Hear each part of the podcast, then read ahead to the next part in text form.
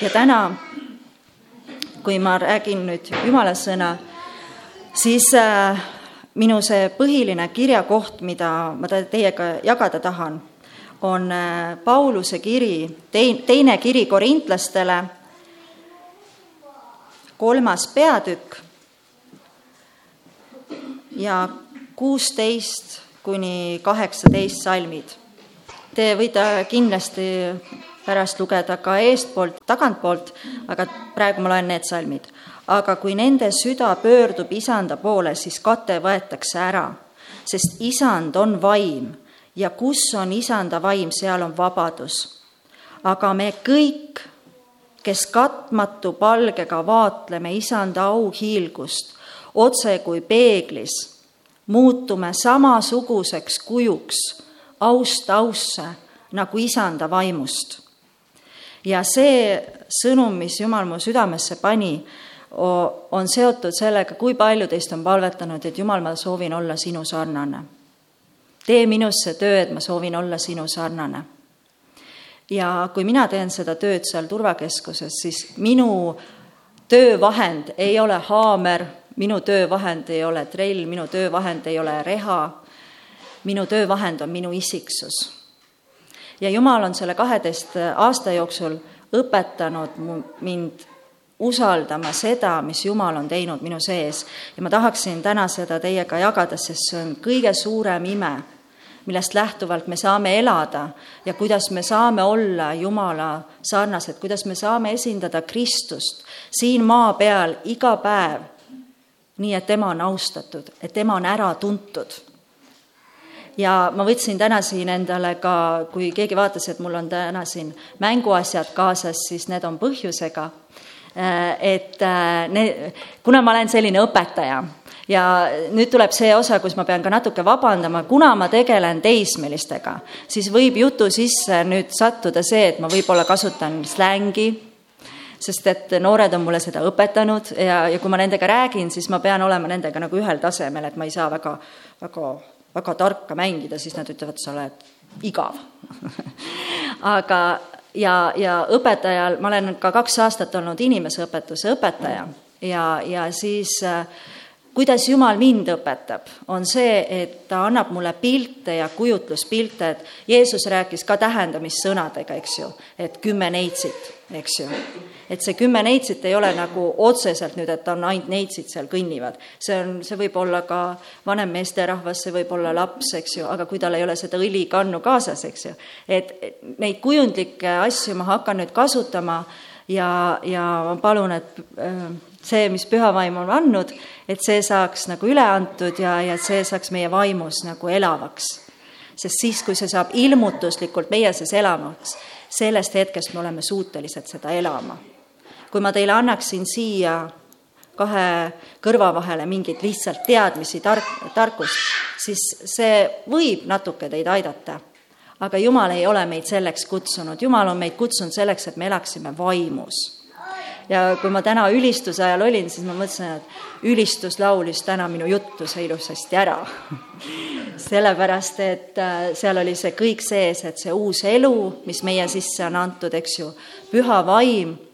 Ja kui ta siin ütleb niimoodi, et kaheksateistkümnendas salmis, aga me kõik, kes katmatu palgega vaatleme isanda auhiilgust otse kui peeglis muutume samasuguseks kujuks aust ausse nagu isanda vaimust. ta ei ütle, et kuidagi natuke sarnaseks, ta ütleb samasuguseks. kuidas see on võimalik?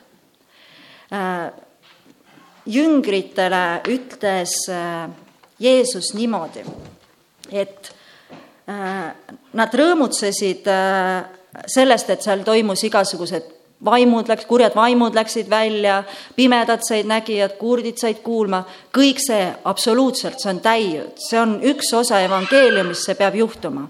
ja siis Jeesus ütles, väga hea, need asjad on head, aga veel enam rõõmutsege sellest, et teie nimed on taevasse kirja pandud. Luuka kümme kakskümmend on see, et ma kõiki asju teile täpselt ei loe, ma ütlen teile lihtsalt kirjakohad, et saate pärast ise vaadata ja mõned loeme ette, mõned võtame lahti. ja kui ma niimoodi piltlikult ütlen, eile ka David Herzogi koosolekul tulid sinna inimesed ette päästele. ja et me saaksime üldse Jumala sarnased olla siin ja muutuda järjest enam aust ausse, mida tegi Jumal esimesena ja millest me peame kinni hoidma ja seda teadvustama endale igal hommikul. mida ta tegi, ma jälle kujundlikult räägin. Jumal pidi valama oma poja vere, sellepärast et kui me siin maa peal elame, siis mingil hetkel laps äh, astub sellesse patuloomusesse, eks ju, ja ta on nagu langenud, me kõik ei pääse keegi, kui ta on ka kristlase laps, ta peab uuesti sündima. Nikodeemusele ütles Jeesus, te peate uuesti sündima, et näha Jumala riiki, eks ju. mida ta siis nüüd mõtles, Nikodeemis oli ka segaduses. ja nüüd, kui ma niimoodi kujundlikult räägin, siis see suur ime, mida Jumal tegi, oli see, et sellel hetkel, kui me lugesime seda päästepalvet, siis mis toimus nähtamatus maailmas eks ju. ta räägib, Jumal räägib nähtavast maailmast ja nähtamatust. vaimne maailm on nähtamatu ja vaimus, meie kõige sügavamas inimloomuses, ta tegi midagi. nii, ja Hesekieli kolmkümmend kuus, kakskümmend kuus kuni kakskümmend seitse, võtame selle lahti. Hesekieli kolmkümmend kuus kakskümmend kuus ja kakskümmend seitse.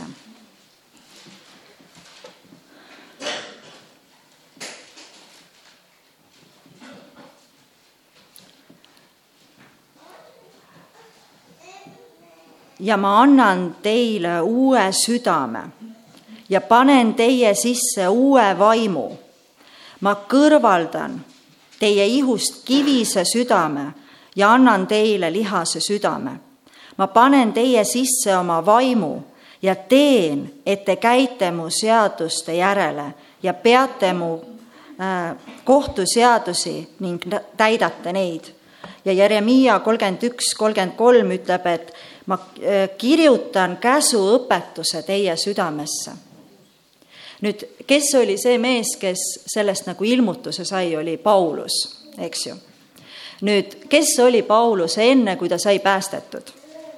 ta oli Saulus ja tema oli selle ajastu, ütleme niimoodi, et ta oli kõige kõrgema doktorikraadiga teoloog, ütleme meie tänapäevases keeles. ta oli kirjatundja variser ja ta kirjutab sellest erinevates kirjades, et ta oli tipptegija et kui te teate näiteks tippkirurge, te teate tippmuusikuid, siis nüüd tema oli toora tundmises, oli ta tipp. ta oli käsu, ta teadis käsuseadust peast. see, kui sa sellel ajal, inimesed olid variserid, nad teadsid tooret peast. kui palju teie teate piiblit peast? see mees teadis kõike rida-realt peast. ja nüüd Jumal võttis selle mehe ja raputas tema elu kapitaalselt. ütleme nii, et keeras pea peale selle, tema elu seal hobuse pealt kukkudes. ja siis äh, Paulus ju eraldus pikkadeks aastateks. ja ma usun, see oli see aeg, kus Jumal võttis selle Vana Testamendi rea-realt läbi Paulusega ja siis, mis ütleb Paulus? Kristus teie sees, auhiilguse lootus. ja siis ta ütleb ühes kohas, et ma võiksin äh, eputada oma toora tundmisega, ma võiksin oma kraadidega, ta oli nii-öelda cum laude, puh-, puhta viieline. tal oli väga kõrge prestiiž, tal, ta oli väga tuntud inimene, ta oli väga, ütleme niimoodi, oma seltskondades oodatud inimene eks ju. Aga ta ütles, ma pean seda kõike pühkmeks sellega võrreldes, mida Jumal on nüüd meie sees teinud. ja nüüd ma ütlen niimoodi jälle kujundlikult, mis, mis siis Jumal tegi sellel hetkel, kui meie lugesime päästepalve? ta lõikas meie seest välja patuloomuse. ta tappis selle. ta ei saanud seda kuidagi natuke ilusamaks teha või, või parandada, ta ei parandanud. me oleme surnud Kristuses, Jeesus pidi surema, eks ju. ja nüüd, ütleme niimoodi piltlikult öeldes, mul on täna see punane sall, et äh, ta tegi vereülekande. ta võttis Jeesuse vere. ja ta tõi meie vaimu, tõi igavese elu. ja nüüd, mis ta veel tegi? Kui kogu aeg on, juba Pauluse ajal oli see, et ma olen Apollose poolt ja siis ma olen seal teise jutlustaja poolt ja kogu aeg on nende õpetustega ja, ja käsuseadus ja kui vabad me ikka oleme, eks ju, ja kogu aeg on see küsimus. ja Paulus, et selles ei ole küsimust. Te olete uue vaimu olemuses ja seesama käsuseadus, mida varem variserid õppisid ja pähe ja proovisid seda nagu endale jätta nagu süsteemi, siis Jumal võttis sellel päeval ja ta kirjutas käsuseaduse meie sisse. ja siis on see, et, et enam ei ole see, et, et ma pean, vaid meie süda on niimoodi loodud, me oleme uued loodud, et meile meeldib olla ausad. meile meeldib väärst-, väärtustada inimelusid meile vä-, meeldib austada teiste inimese varandus, me käime sellega hoolikalt ringi, eks ju, me ei varasta seda, kui meile antakse laenuks, siis me oleme sellega head majapidajad, see on juba meile loomuses. Eile eh, David Herzog kasutas seda DNA näidet, inglise keeles see tuleb ilusti välja, eesti keeles eriti ei tule, et jumalik loomus, agape loomus, eks ju et roomlastele viis viis ütleb, et ja mis ta tegi, ta valas armastuse meie vaimu. see on kõik siin, ta on kõik siin. Ja siis äh, nalja, naljaga pooleks öeldes ta võttis Kristuse piparkoogi vormi. Naljaga, see on lihtsalt kujundlikult, et kuidagi saada edasi anda seda, mis ta tegi. Ja ta meie vaimu surus selle Kristuse kuju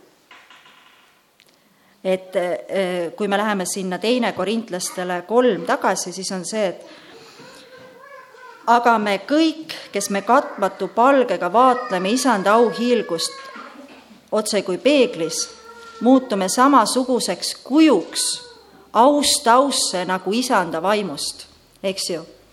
ja nüüd mul on see näide äh,, ma tahaks nüüd võtta need äh, mänguasjad ja nüüd on mul kaks mänguasja, ma laenasin seda Markuse käest üks peab nüüd kahjuks olema kurb tegelane või noh, kuritegelane, aga tegelikult ta on väga vapper, ta tegelikult on hea mänguasi, aga lihtsalt praegu ta on. see põ-, põder on siis halb tegelane ja see südamega elevant on hea tegelane. ja võtame lahti galaatlastele nüüd Galaatia kiri on tõenäoliselt see kiri, mida Paulus kirjutas kõige esimesena. et teoloogid seal veel vaidlevad, et võib-olla Thessaloniklastel esimene kiri oli esimene, aga väga paljud äh, äh, piiblitõlkijad ja, ja nii-öelda kirjatundjad, teoloogid on jõudnud sellele arusaamisele, et ikkagi Galaatia kiri oli esimene. et kui meie siin loeme neid roo-, roomlastele ja nii edasi, siis need on pandud teises järjekorras, et Paulus neid sellises järjekorras ei kirjutanud. esimesena ta kirjutas galaatlastele ja nüüd ta siin äh, toobki see, ta adresseerib seda käsumeelsust ja ta adresseerib seda lihtsalt käskude täitmist ja siis ta ütleb, et elage vaimus. eks, ja võtame lahti galaatlastele viis, kuusteist kuni kakskümmend kolm. aga ma ütlen, käige vaimus, siis te ei täida mitte lihaimusid sest liha himustab vaimu vastu ja vaim liha vastu. Need on üksteise vastu, et ei teeks seda, mida te tahate. aga kui te olete vaimu juhitavad, siis te ei ole käsu all. aga lihateod on ilmsed, need on hoorus, rüvedus, kiimalus, ebajumala teenistus, nõidus, vaen, riid, kademeel, vihastumised, jonn, kilpkonnad, lahkõpetused, tapmised, joomised, pidutsemised ja muud selle sarnast millest ma teile ette ütlen, nagu ma ka juba enne olen ütelnud, et need, kes teevad seesugust, ei päri Jumala riiki. aga vaimuvili on armastus, rõõm, rahu, pikk meel, lahkus, heatahtlikkus, ustavus, tasadus, kasinus, selliste vastu ei ole käsk. ja nüüd see põder esindab liha ja elevant esindab vaimu, ta on suurem ja sõbralikum ja ta on suurem. ja nüüd Jumal ütleb, kuidas te ei mängi põdraga, lihaga, eks. ma olen kuulnud jutlusi, eks ju, et liha on paha ja te peate liha ära suretama ja te peate lihale tegema üks-null. kus oli minu tähelepanu? ikka veel siin põdra juures ikka veel. ma olen kuulnud hästi palju sellist, et laps, lastega tehakse nii, et ma sõitsin Võrru, siis bussis seal oli kaks sellist viie-kuueaastast ja kujutate ette, neli tundi sõidavad. et ega nad ei püsi paigal. ja ema oli nendega päris hädas. ja siis on see, et ära tee seda, ära tee toda, ära tee kolmandat asja, eks. ja ikka on siin põdra juures eks, seda ei tohi ja toda ei tohi ja teismelistega ka vahest on nii. ära tee seda, ära joo alkoholi, ära suitseta.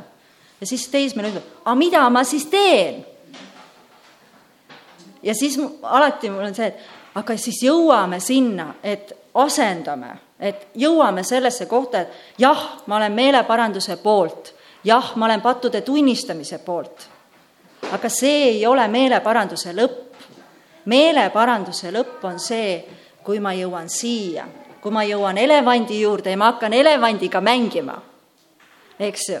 et lastega on ka see asi, et kui sa palun kiida head tegevust, palun loo hea tegevus. kui sa lapsele kogu aeg ütled, ära tee seda, ära karju, äh, ära sega, ära, ära jonni, ära, ära söö niimoodi, äh, mis iganes siis meil täiskasvanutel on vaja luua nende jaoks see asi, mida sa siis tahad näha, eks ju. et näiteks, et kui su laps, ähm, lapsed mängivad selliseid hullamismänge ja hullamismängud on emotsionaalselt väga vajalikud, nad õpivad üksteist äh, austama niimoodi, nad õpivad üksteisega arvestama. see hullamine on selline hästi tore asi.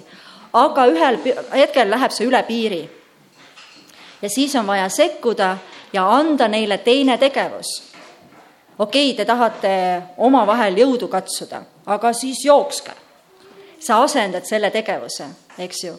ja näiteks ma olen hästi tihti mõelnud seda, et üks asi on see, et me õpetame lapsele lugemist, aga hoopis teine asi on see, kui me anname lapsele lugemise armastuse. saate aru? Et ta jah, ta loeb sulle selle raamatu läbi, aga kas ta hakkas armastama lugemist, sest et kui me suudame selle nagu lapsele edasi anda, siis on nagu pool vaeva nähtud. sest et ta hakkab otsima võimalust raamatut lugeda. Ja lugemise armastust ei ole võimalik niimoodi anda, et ema, isa üldse ei loe. Ja siis nad loodavad, et nende laps, lastest saavad suured lugejad. Ja kui eh, suured inimesed loevad niimoodi, et nad tegelikult Äh, jäävad kohe magama või see on väga selline, on näha kaugelt, et see on väga igav tegevus. et vaatad täiskasvanut, ta loeb ja sa saad aru, et see on väga igav. ja siis laps ütleb, aga miks mina pean seda tegema? eks. nii et kui sa tahad, et sinu laps armastaks lugemist, õpi armastama lugemist ise minule meeldib sellepärast olla väga sotsiaalpedagoog, õpetaja, ma ei saa mitte midagi õpetada oma teismelistele, mida ma ise ei tee, mida ma ise ei oska. ma ei saa õpetada ühtegi jõululaulu lastele, kui ma seda ise ei oska. kui ma seda proovin teha, nad ütlevad mulle väga karmilt. Nad on väga suure, tähendab, aususega ei ole teismelistel probleemi kui sa ei taha kuulda seda, kuidas sa välja näed, siis ära küsi teismelise käest seda. Nad muidugi siis, noh, aga siis jälle see on see teine pool, et kui sa siis tegelikult näed ilus ja kena välja, siis nad ütlevad sulle seda ka ja siis sa tead, et see on päriselt. et noh, loomulikult on selliseid ka, kes meelitavad. aga nüüd sellest vaimust ja lihast, ta ütleb nii selgelt, aga ma ütlen, käige vaimus, mängige elevandiga, siis te ei täida mitte lihahimusid. et teatavasti me kahte asja korraga teha ei saa. naised püüavad seda küll tõestada juba sajandeid, aga kahjuks ma pean ütlema, et see tegelikult ei ole tõsi, te elate illusioonis.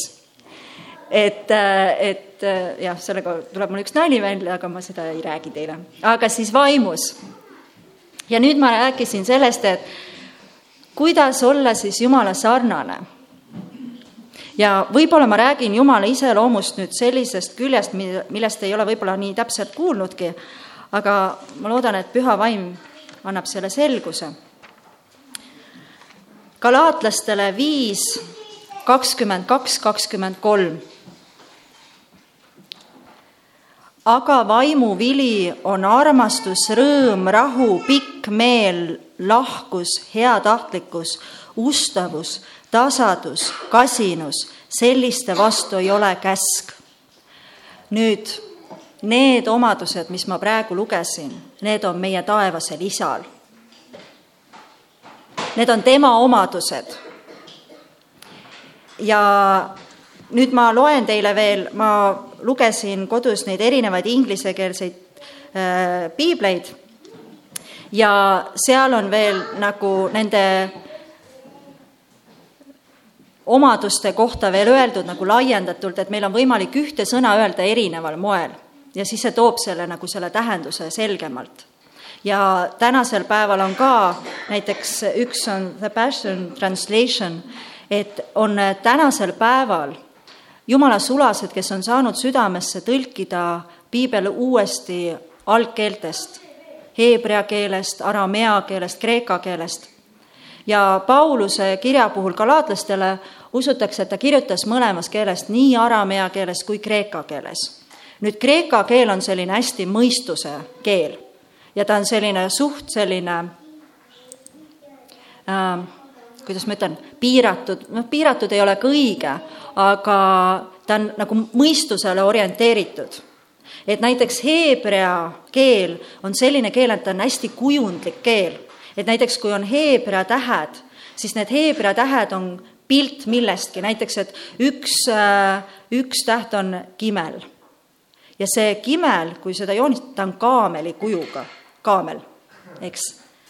meil, kui me ütleme näiteks R, siis meie jaoks oli R, eks.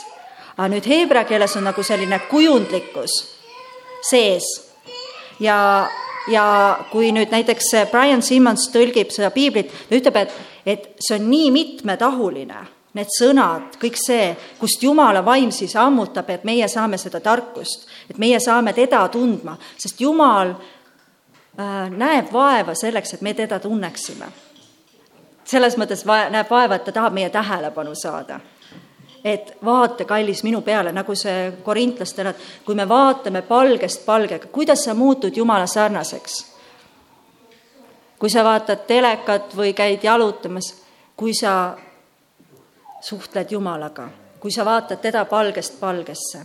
mul on siin peegel ja ma tulen siia nende sõnade juurde tagasi, aga ma teen selle peegli näite ära.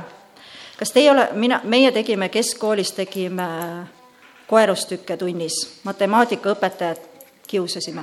olid kellad, käekellad ja mingil teatud hetkel hakkas päike sisse paistma klassi. ja siis käekell, siin kahjuks täna ei saa seda teha, aga, ja siis see käekell ja sa näed, et seina peale tekib see väikene kellakujutis. ja siis meie niimoodi erinevast klassi otsast suunasime kõik selle õpetajale silma. ja siis ja siis jälle natukene. ja, ja Jumal rääkis mulle, sa tahad peegel, sa tahad Kristust esindada. tahad, et, et inimesed näeksid Kristust. siis sa võtad peegli, ma ei tea, kas ma siin saan, siin vist ei anna seda teha, aga no. mm. -hmm. oh, sellega annab teha. nii, kas te näete kõik seda seal? see laes, jah, näete? Nii, mis selle trikk on?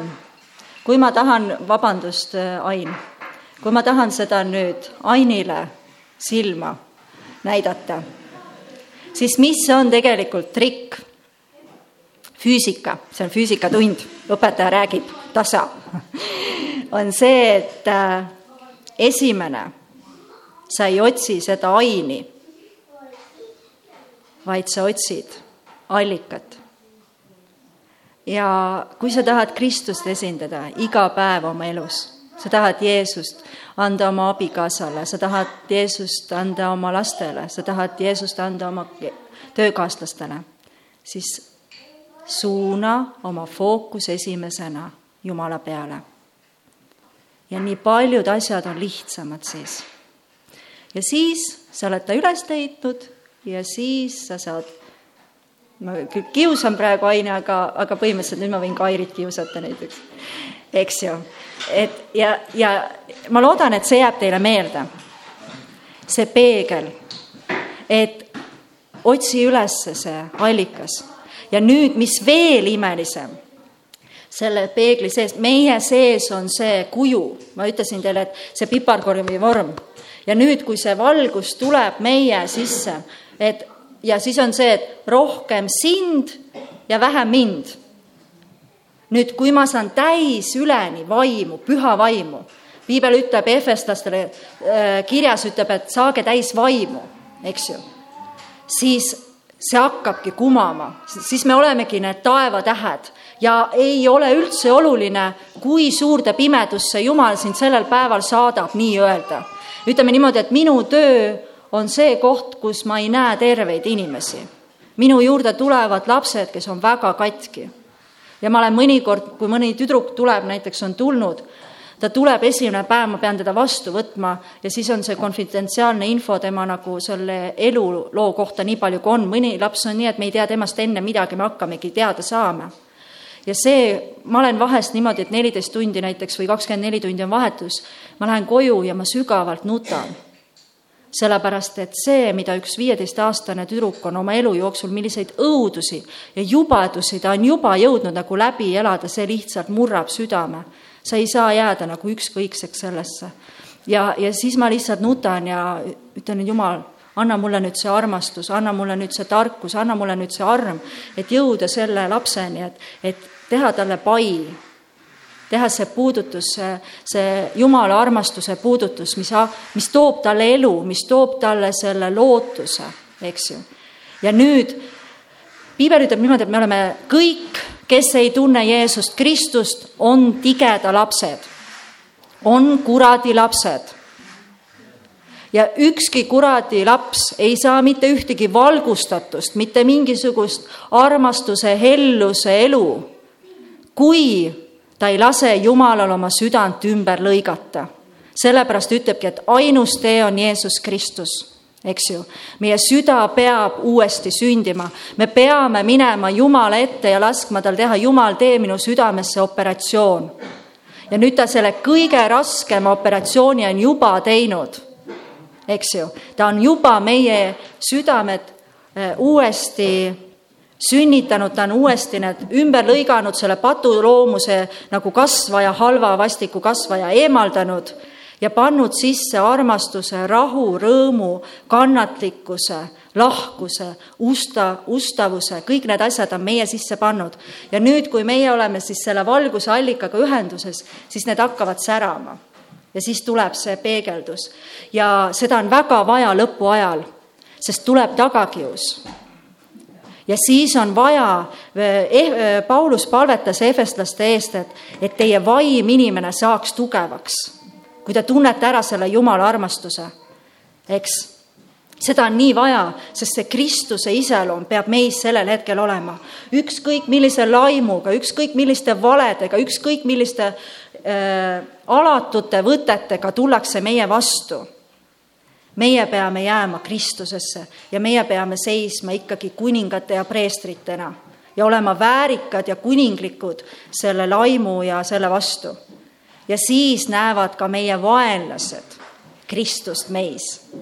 see on suur ime, milliseks astjaks ta on meid teinud ja milliseks suureks asjaks ta on meid kutsunud. ta on otsustanud, et meie võime Kristust esindada milline suursugune eesõigus, see teeb väga alandlikuks. Paulus ütles niimoodi, et, et äh, kui sa mõistad seda jumaliku tarkuse suurust, siis see teeb sind alandlikuks. see teeb sind nii alandlikuks. jumal, sa oled nii hea, sa oled nii täiuslik, sa said niimoodi hakkama, eks. ja nüüd ma loen teile veel Jumala iseloomujooni, mis on kõik meisse kirjutatud. Ja nüüd Jumal ütleb ka seda, et ära jäta maha esimest armastust. Mis see esimene armastus on, kui ma ütlesin, et ma sain siinsamas ruumis päästetud, on see, et sa, kui sa saad päästetud, sa saad teadlikuks sellest, et oh, mul on uus elu, mul on see uus vaim, mul on see uus süda. see on puhtaks tehtud, see on lumi, see on valge, ilus, puhas. Jeesuse enda õigsus, ta pani meie sisse selle ja nüüd selles kontekstis, kui äh, õpetussõnades on öeldud, et hoia oma südant enam kui kõike muud, mida tuleb hoida, sest sellest lähtub elu, siis selles valguses muutub see kirjakoht hästi oluliseks, eks ju. Sest sa saad aru, millise kingituse on Jumal teinud ja sa pole selle kingituse jaoks mitte midagi muud teinud, kui öelnud ainult jah, Jeesus, ma olen nõus. jah, Jeesus, tule mu ellu. see oli tema kingitus ja nüüd on see, et kuidas me seda kingitust väärtustame, kuidas me seda hoiame, eks. ja, ja, ja kuidas me sellega ümber käime ja, ja kui me siis palvetame, et Jumal, ma tahan saada sinu sarnaseks, siis piibel ütleb niimoodi, et olgugi sellest, et meie väline inimene kõduneb, meie uus, uu-, sisemine inimene uueneb, saate aru? Te kogu aeg uueneb, uueneb, uueneb, uueneb ja mul on teile üks äh, selline suur saladus et kui te arvate, et te olete juba pikameelne ja kannatlik, siis Jumal hoolitseb selle eest, et te, te saate veel kasvada. Ja te saate kasvada selle hetkeni, kui te siit ära lähete maa pealt. nii suur on Jumala pikameelsus ja halastus ja kaastundlikkus, nii et see, selleks kasvamiseks läheb meil terve elu.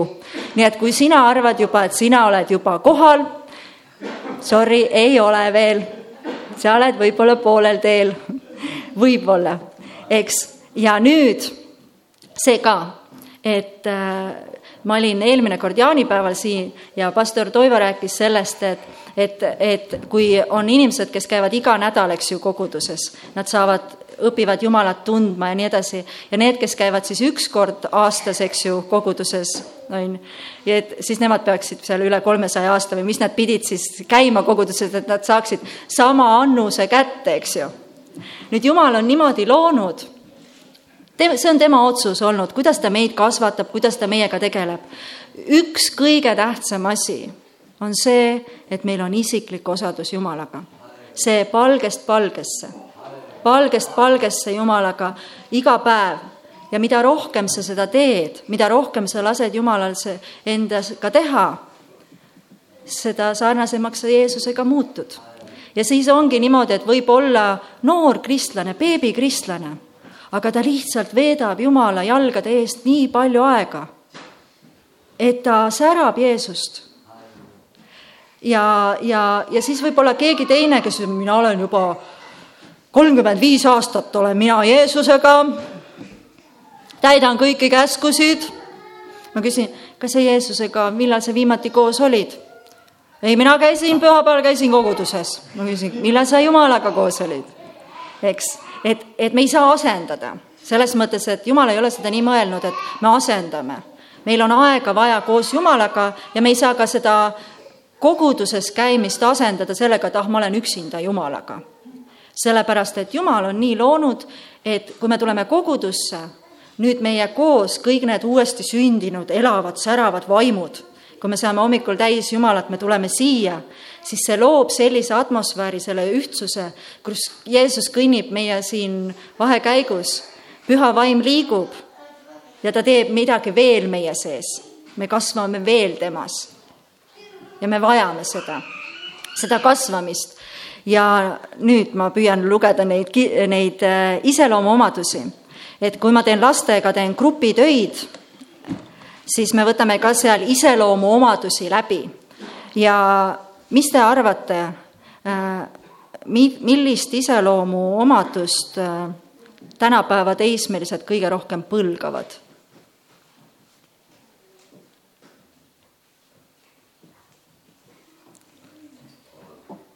alandlikkus. miks see nii on, sest nendel on tigeda loomus. Neil on saatana loomus ja saatana loomus on uhkus. ja alandlikkus on äh, see ja täitsa reaalselt ma, ma esimest korda kuulsin, kui mulle tüdrukud seda grupis ütlesid, siis ma olin nagu ehmatanud.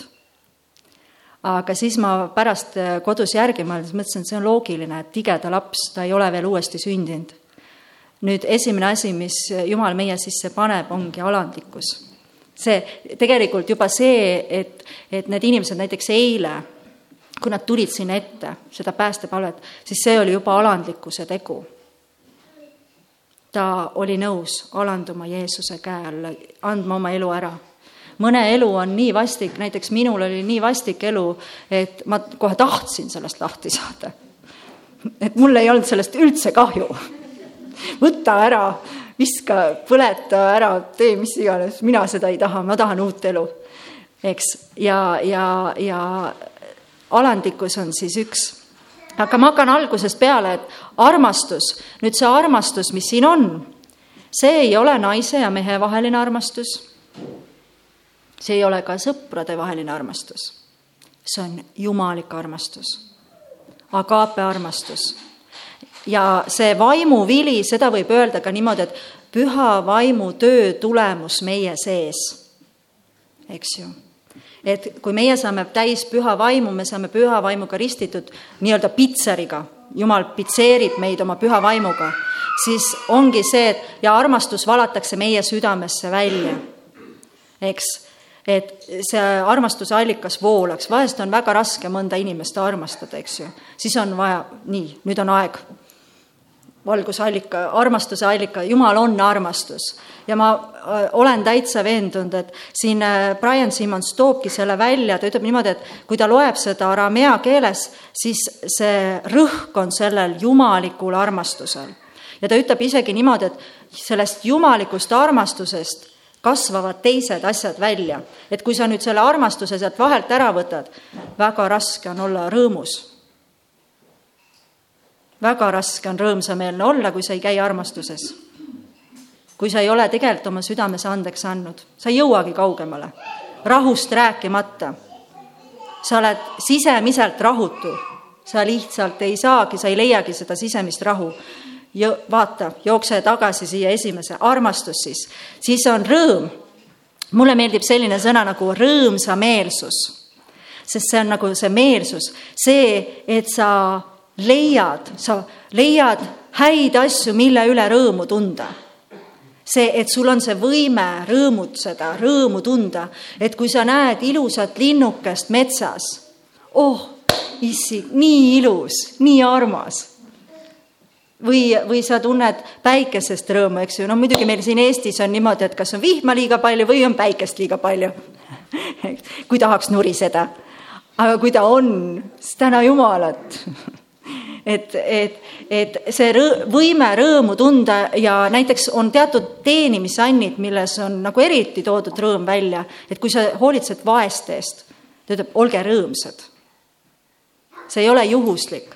siis äh, Jeesuse kohta ütleb, et ta Jeesus oli võitud rõõmuõliga enam kui teised, sellepärast et ta vihkas ülekohut ja armastas õigust, eks ju nii-öelda äh, vihkas seda maailma saatana poolt tehtud asju ja armastas seda vaimust sündinud, eks ju. nii, rõõmsameelsus, rahu. rahust võiks rääkida ka palju-palju ja kaua-kaua. Jumal, meie, Jumal on rahulik. meie Jumal ei ole mingi psühhopaat või mingi äh, selline ärevushäiretega isik ta on rahu, ta on rahuvürst lausa. et kui sa tahad teada midagi rahust, siis pöördu rahuvürsti poole.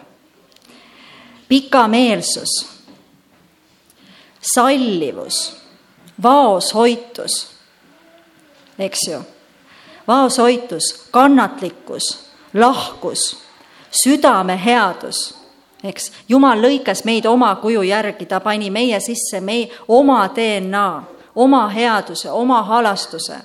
Et ta ei olnud nii, et, et ütleme, et on, poes on esimese sordi õunad ja siis meile andis mingi, mingi räb, räb, räbalad, niisugused pisikesed kortsusõunad meie sisse. Või ta andis seesama värskus, seesama äh, sisu nii-öelda, vaoshoitus, kannatlikkus pikameelsuse ja kannatlikkuse läbi me saame kätte oma tõotused, eks ju, lahkus, headus, heldus, selline helde olemine, et sa ei ole kitsi. kõik küüned enda poole, mitte midagi kuskile ei anna. mis mõttes ma pean teie suhtes täna hea olema, ei taha. heatahtlikkus, hea soovlikkus, et sa suudad soovida head, see sünnib jälle vaimus, jälle vaimus, see tuleb esile. truudus, truudus kasvab välja Jumala armastusest, ustavus, usaldusväärsus leebus, mahedus, vagurus, malbus. et me oleme malbed, alandlikkus, tagasihoidlikkus, enesekontroll, enesetalitsemine, enesevalitsus ja võime end piirata.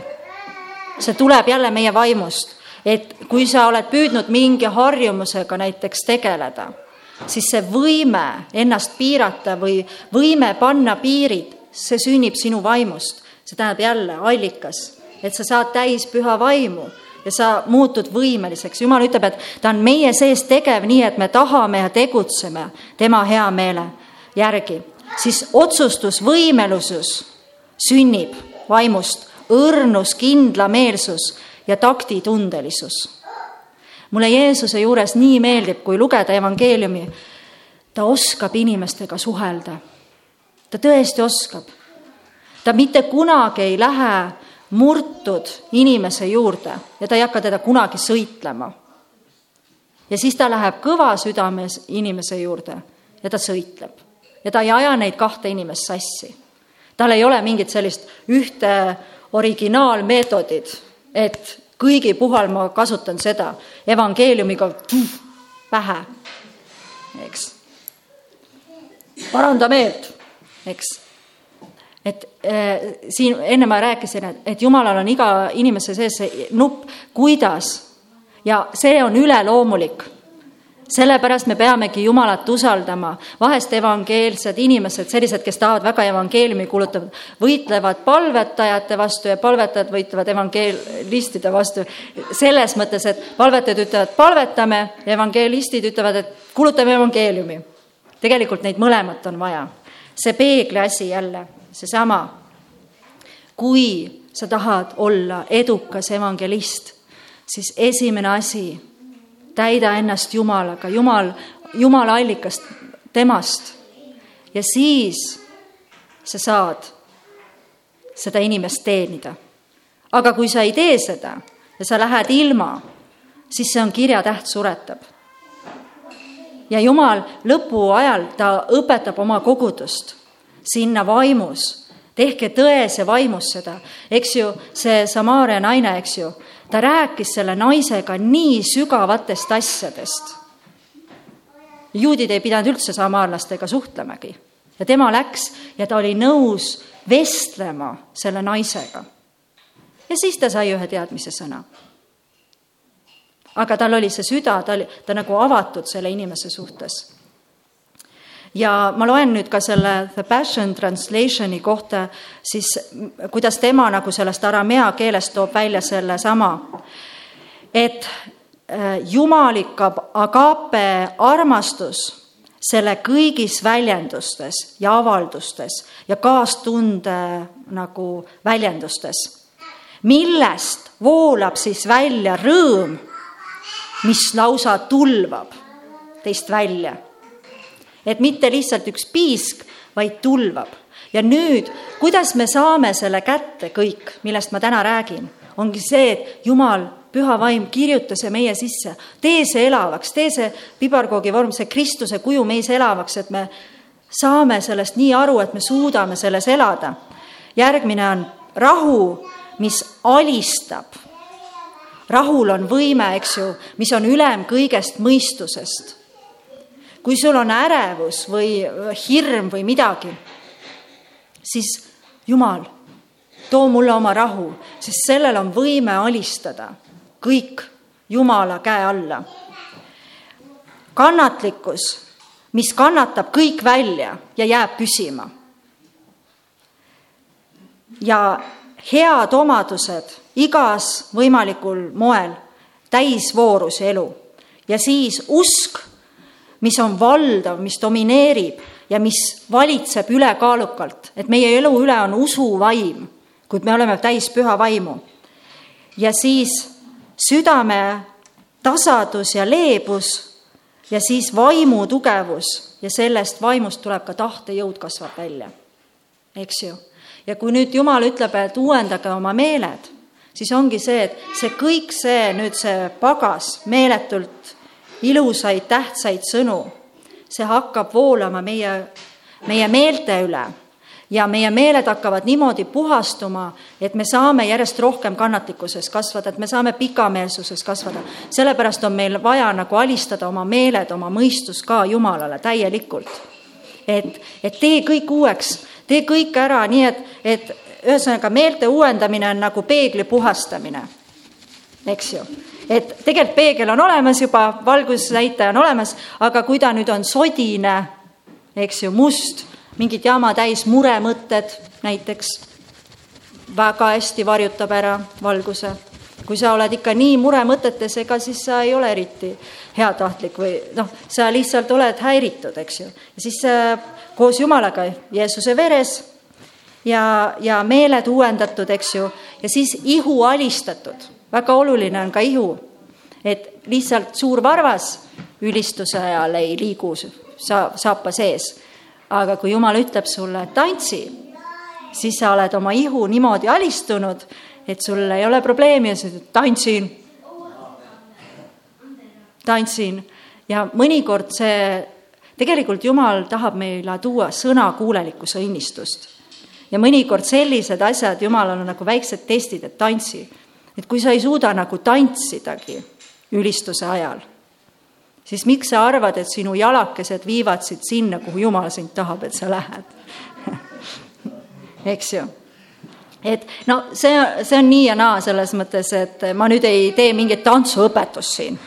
et, et, et need, kes kõige rohkem tantsivad, need on kõige sõnakuulelikumad et see ei ole see, aga see, et mis Jumal ütleb ja nüüd lõpetuseks ma hakkan lõpetama. teen veel ühe sellise asja, et kuna ma töötan selli, sellises kohas, nagu ma töötan, siis ma olen hästi teadlik sellest, mida teeb alkohol inimesega, mis teevad narkootikumid inimestega, mis teevad keemilised ained lapse ajudega. see on päris kurb ja see on päris õudne. ja ma ei tahaks sellest kõigest isegi noh, rääkida, et aga see saatan kasutab seda, äh, neid aineid selleks, et rikkuda nende inimeste kogu isiksust ja sõna otseses mõttes kogu isiksust. ta hävitab selle läbi nii ihu, ta hävitab selle läbi nii mõistust ja ta hävitab selle läbi seda äh, südant, mis inimesele on ant-, noorele inimesele on antud ja siis ka täiskasvanule, kes ka tarvitab neid aineid ja, ja kui mina kuulen mingisuguseid selliseid äh, lauseid, näiteks Tallinnas on, et ära sa narkot tarvita, ära sa narkot jumala eest tarvita. no tarvita siis alkoholi, siis ma saan nii kurjaks. ma saan nii kurjaks, sellepärast et nad, nad ei anna endale aru, mida teeb alkohol inimese isiksusega. ja nüüd ma loen teile kõigepealt sellest, nii-öelda sellest maailma poolest, sellest hävingu poolest, sellest lihalikust, mis toob surma, mis toob kadu. Ja siis ma toon kõrvale, lõpetan selle elu, eluga. Airi Värnik on Vaimse Tervise ja Suitsidoloogia Instituudi juhataja. Ja tema kirjutas ühe artikli hiljuti, internetis on seda võimalik isegi üles leida, ja ma võtsin sealt ühe lõigu ja kui ma selle leidsin, siis ma teadsin, et see on see lõik, mida ma loen teile ette, just tuua need kaks külge välja.